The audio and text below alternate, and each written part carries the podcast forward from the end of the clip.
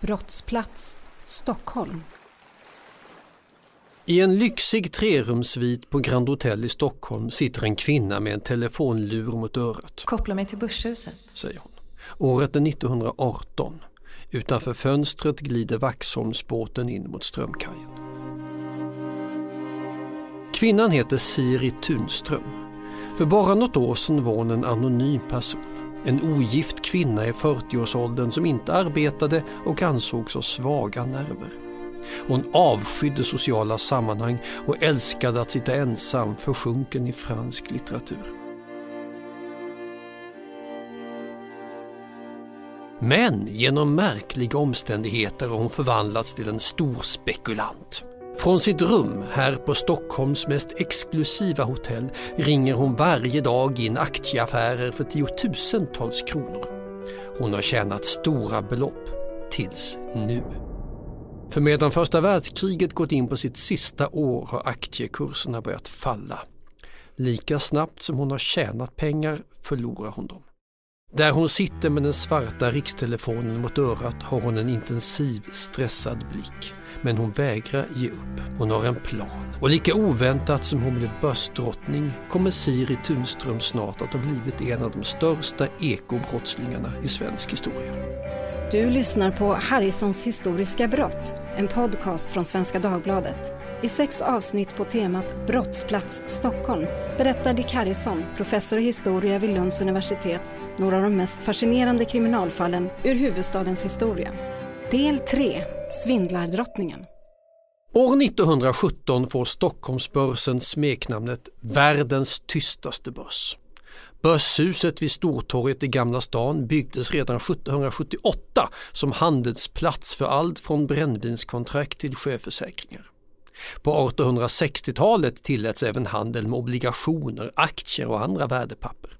Men det är först efter sekelskiftet som denna handel verkligen har tagit fart i takt med den ökade spekulationsvåg som sveper över västvärlden och som så småningom ska resultera i 1929 års börskrasch. Och nu genom en teknisk innovation kommer handeln att ta ytterligare ett skutt. Tidigare har handeln fungerat så som den gör i andra börshus, det vill säga genom att investerarna skriker ut sina bud på golvet. Men med hjälp av bolaget LM Ericsson bygger Stockholmsbörsen en sorts elektromekaniskt system med telefonanslutning till 150 platser i landet och fasta arbetsplatser där aktiemäklarna kan föra in köp och sälj via knappsatser. Spekulanterna behöver inte längre vara på plats. Och en som självfallet utnyttjar detta, ja det är den folkskygga Siri Tunström. Men vi tar det från början. Siri Tunström föds 1872 i Norrköping. Det är mitt under den östgötska stans storhetstid när den är en av Sveriges främsta och snabbast växande. En industristad med ståtliga avenyer, parker och ett blomstrande näringsliv. Fadern är egenföretagare så finansvärlden är ingenting främmande för den unga Siri. Men hon lockas inte av pengar, affärsvärlden eller industrierna. Efter att hon gått klart skolan börjar hon läsa vid ett seminarium i Stockholm. Hon siktar på att bli lärarinna, ett yrke som vid den här tiden är en av de stora karriärvägarna för begåvade unga kvinnor. Mycket snart uppstår dock problem. Siri avbryter studierna. Varför? Ja, här går uppgifterna isär. Enligt en version får hon strupkatarr och orkar inte fortsätta. Enligt en annan ansåg hon sig helt enkelt inte passa för läraryrket. Kanske bör Siri trots allt söka sig till näringslivet. Som 19-åring får hon arbete på Norrköpings Enskilda Bank där hennes farbror är kamrer.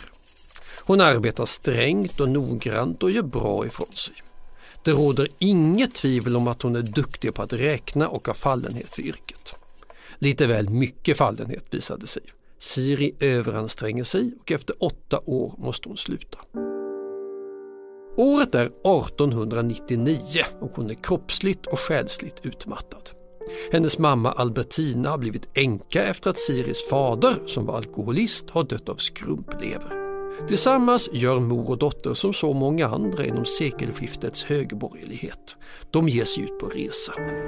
Siri vistas på kurorter i Schweiz och Norge för att återhämta sig och lugna sina slitna nerver. Enligt vad modern senare ska vittna om oroar hon sig för att dottern riskerar att bli sinnessjuk.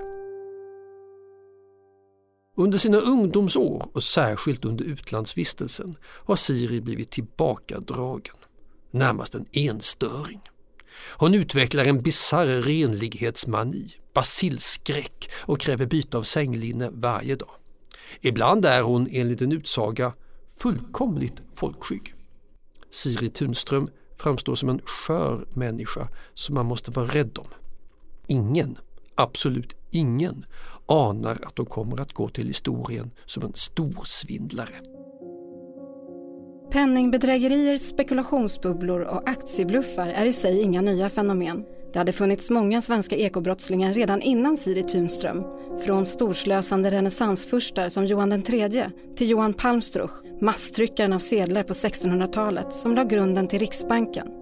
Åtskilliga av äldre tids statsmän har slösat bort så mycket av folkets pengar utan att ha mandat för det att de i dagens samhälle skulle ha riskerat fängelse.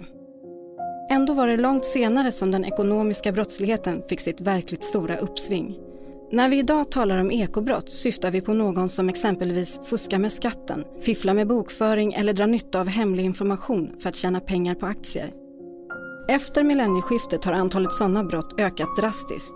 Mellan 100 000 och 200 000 bedrägerier avslöjas varje år, bara i Sverige. Efter återkomsten till Sverige orkar Siri bara umgås med sin mor. Hon undviker allt sällskapsliv och sätter inte sin fot på nöjesetablissemang. Istället läser hon, inte minst franska författare på originalspråk.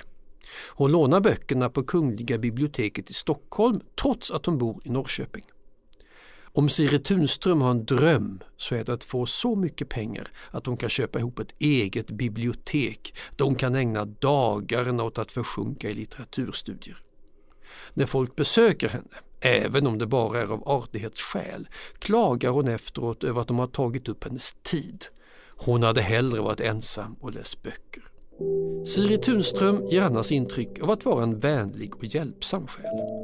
När folk senare tillfrågas om henne blir det idel lovord. Hon föreföll blyg och var i allmänhet ganska tillbakadragen. Men hon hade mycket starka känslor, kunde råka i eld och lågor om någon gjorde sig skyldig till osanning, låghet eller lumpenhet. Den som felat på det sättet kunde näppeligen återvinna hennes förtroende. Själv var hon alltid angelägen att handla rätt. Hon var till och med så samvetsgrann att det ibland blev nästan till överdrift om man vågar uttrycka sig så om en sådan sak.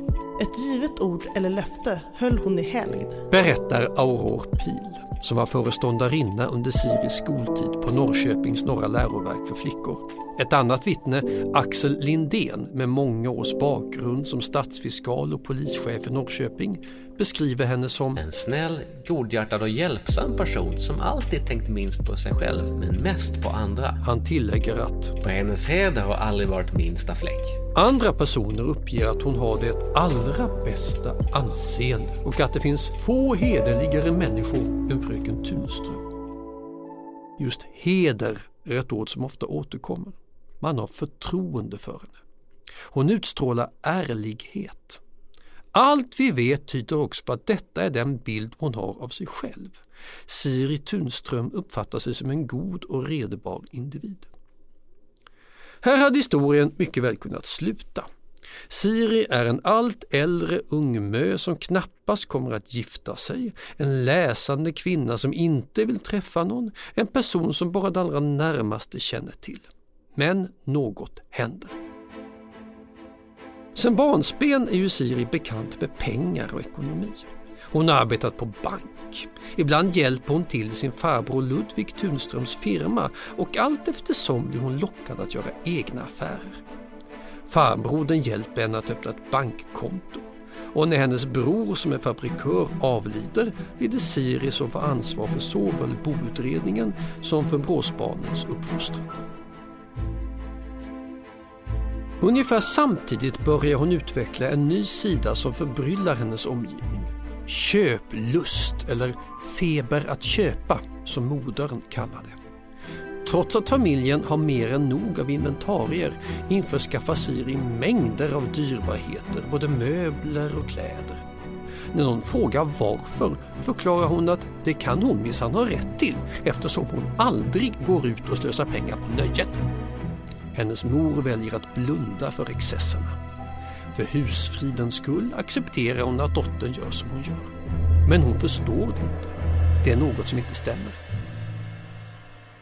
Köplusten omfattar inte bara möbler och kläder. Hon lockas av spekulationer. Hon tycker sig ha talang för att investera. Hon börjar köpa aktier. Av allt att döma är det inte girighet som driver Siri utan hasardspelet på börsen som sådant. Snart är hon fast i speldjävulens garn och måste bara fortsätta, satsa mer, investera mer, tjäna mer bara för att kunna satsa ännu fler summor och tjäna ännu mer. Aktiespekulationerna tar över hennes liv. Och till en början går det bra. Väldigt bra. Det är en tid av stark ekonomisk tillväxt i Sverige och på börsen vid Stortorget i Gamla stan stiger kurserna skyhögt. Många investerare bygger upp omfattande aktieförmögenheter. Bland dem finns Siri Tunström. Med hjälp av sina baskunskaper om bank och finansvärlden lyckas hon på kort tid tjäna ihop ett ansenligt kapital. Ambitionerna växer med framgångarna. 1917 flyttar hon till Stockholm för att ägna sig åt spekulation på heltid. Hon flyttar inte in var som helst utan i en exklusiv trerumssvit på Grand Hotel. Grand Hotel på Blasieholmen skapades av fransmannen Régis Cadier, en av de många entreprenörer med utländsk bakgrund som förändrade Sveriges huvudstad under 1800-talet. Gröna Lund grundades av tysken Jakob Schultheis, NK av Josef Sachs som var son till en tysk invandrare, auktionsfirman Bukowskis av den polske flyktingen Henryk Bukowski, Thielska galleriet av bankmannen Ernest Thiel som var barn till en belgisk maskiningenjör och en tysk judinna och Berns salonger av Heinrich Robert Berns vars föräldrar var tyska immigranter. Regi Cadier insåg att Stockholm hade alldeles för dålig hotellkapacitet för att ta emot de många utländska besökare som strömmade till stan för att göra affärer eller turista. Många av de hotell som faktiskt fanns var usla eller rent av ökända och även en del av de förhållandevis fina ställena höll låg kvalitet. Grand Hotel skulle bli något annat. Hotellritningarna som gjordes av Axel Kumlin var klara 1872. På försommaren två år senare slog Grand Hotel upp portarna. Det gick så bra att hotellet snart expanderade och byggdes till flera gånger. För den som ville bo ståndsmässigt i Stockholm på Siri Tunströms tid var valet alltså enkelt.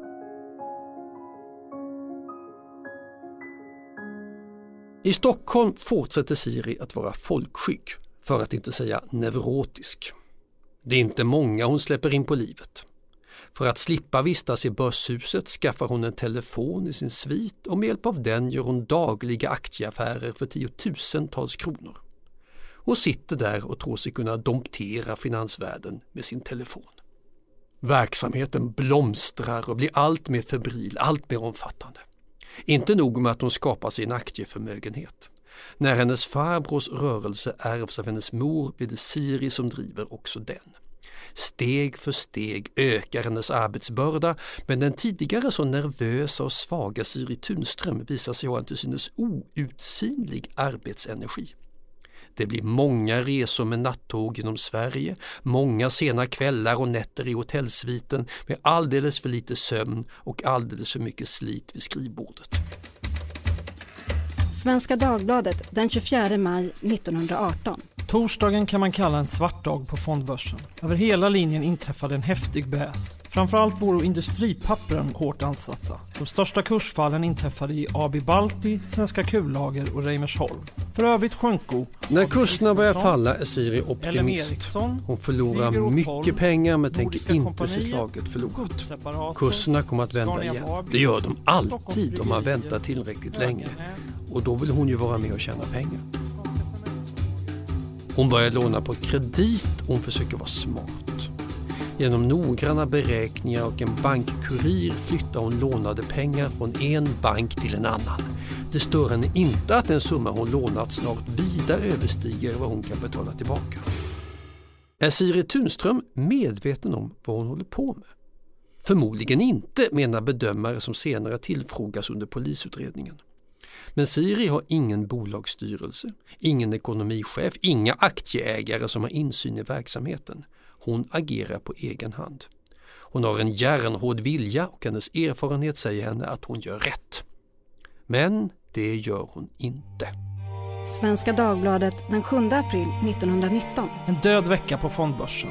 Den gångna veckan tog det kunna betecknas som den magraste man på länge upplevat. Affärerna går inte bättre, tvärtom. Svenska Dagbladet den 9 april 1919. Den matta och olustiga stämningen med kursfall överlag fortfor även på tisdagen. Till skillnad från de föregående dagarnas jämna kursfall gjorde sig på tisdagsbörsen en hel del rätt så kraftiga reduceringar gällande. Börsen fortsätter nedåt och året går till historien som ett av de mest ödesdigra i Europa. Versaillesfreden och de andra förortsfrederna kring Paris förpassar Europas politiska karta till papperskorgen och skapar nya stater i ruinerna av de fallna tyska, österrikiska, ryska och osmanska imperierna. Brittiska och franska statsmän gräver gemensamt de fallgropar som två decennier senare kommer att få världsdelen att rasa samman i ännu ett storkrig. I Ryssland är hela samhället på god väg att kollapsa i inbördeskriget som bär fröet till Sovjetunionen. Det har blivit dåliga tider, mycket dåliga. Dessutom dör miljoner människor i den globala farsot som är känd som spanska sjukan. Bara i Sverige dör tiotusentals människor och Siri är en av dem som insjuknar. Hon överlever men hennes redan bräckliga hälsa har försämrats rejält. Läkarna ordinerar mer vila, ber att hon ska ta det lugnt men hon vägrar. Hon måste ju fortsätta spekulera, fortsätta köpa på kredit, fortsätta låna pengar i den allt tokigare penningkarusellen. Till slut går det inte längre. Svenska Dagbladet den 31 juli 1919. En bankkupp av för våra förhållanden enorma dimensioner har under den senaste tiden förövats i Stockholm. En av Göteborgsbankens större kunder, fröken Siri Tunström från Norrköping, har genom checkmanipulationer tillnarrat sig icke mindre än 3 867 736 kronor och 17 öre för vilka täckning saknats. I strid mot gällande föreskrifter har vederbörande kassör underlåtit förvissa sig om att täckning förefunnits då Tunström ansetts förmögen, haft ett överhypotek i Göteborgsbanken på över 600 000 kronor samt rört sig och sin räkning i banken med stora tillgodohavanden. Banken har omedelbart haft extra styrelsesammanträde varvid bland annat beslöts att genast avstänga från tjänstgöring de som närmast bär ansvaret för den beklagliga händelsen. Beloppet Siri är skyldig skulle motsvara 30 miljoner kronor i dagens penningvärde. Pengar som inte existerar. Själv har hon ingen förklaring till det som hänt. När hon får frågan varför hon har gjort det uppträder hon förvirrat och verkar inte förstå att hon ägnat sig åt något brottsligt. Hon vägrar först att fylla i den obligatoriska uppgiftsblankett som polisen lämnar över och när hon väl gör det stryker hon över ordet brottet och skriver istället checkarnas dragande. Hon ber om hjälp att få fram en advokat som kan sätta henne på fri fot så att hon ska kunna göra nya aktieaffärer och få fram pengar till att betala lånen. Rättsprocessen resulterar förstås i en fällande dom. Siri Tunström döms till straffarbete för bedrägeri. Men hon klarar sig undan fängelse. Det ena vittnet efter det andra intygar nämligen att fröken Tunström inte har varit vid sina sinnens fulla bruk. Jag har hört att hon långa tider gått med ganska hög feber och jag är därför böjd att tro att hon förlorat herraväldet över sig själv. Enligt min mening skulle hon aldrig vid full sans och besinning ha velat handla orätt. Hennes föregående vandel har varit hedrande, säger Aurore Pil. Var Siri Tunström vad vi numera kallar bipolär? Det är såklart omöjligt att veta, men om hon hade levt i dagens Sverige hade hon förhoppningsvis fått hjälp innan det gått så långt att hon blivit en bedragerska i mångmiljonklassen. Den behandling som tillhandahölls under 1900-talets början var i första hand vistelse på kurorter där den friska luften ansågs ha god inverkan på patienternas mentala hälsa. Ett stort genombrott i den psykiatriska vården skedde på 1940-talet då litiumsulfat introducerades som behandling av det som då kallades manodepressiva sjukdomar. Nyttan var så stor att psykiatrin en gång för alla etablerade att psykiska sjukdomar har biologiska inslag. När läkare tillkallas för att bedöma Siri Tunström kommer de fram till att hon är alldeles för instabil för att kunna hållas ansvarig för sina gärningar. Till saken hör att en av hennes bröder redan har bedömts vara vad man kallade psykiskt defekt eller idiot som det också kallas och har blivit omhändertagen. Siri skickas till mentalsjukhuset Konradsberg. Där blir hon dock inte långvarig. Siri försätts på fri fot redan 1922 och drar sig tillbaka till Östermalm i Stockholm. Hon flyttar in med sin mor och återgår till det tillbakadragna livet som enstöring. Och det blir ett långt liv.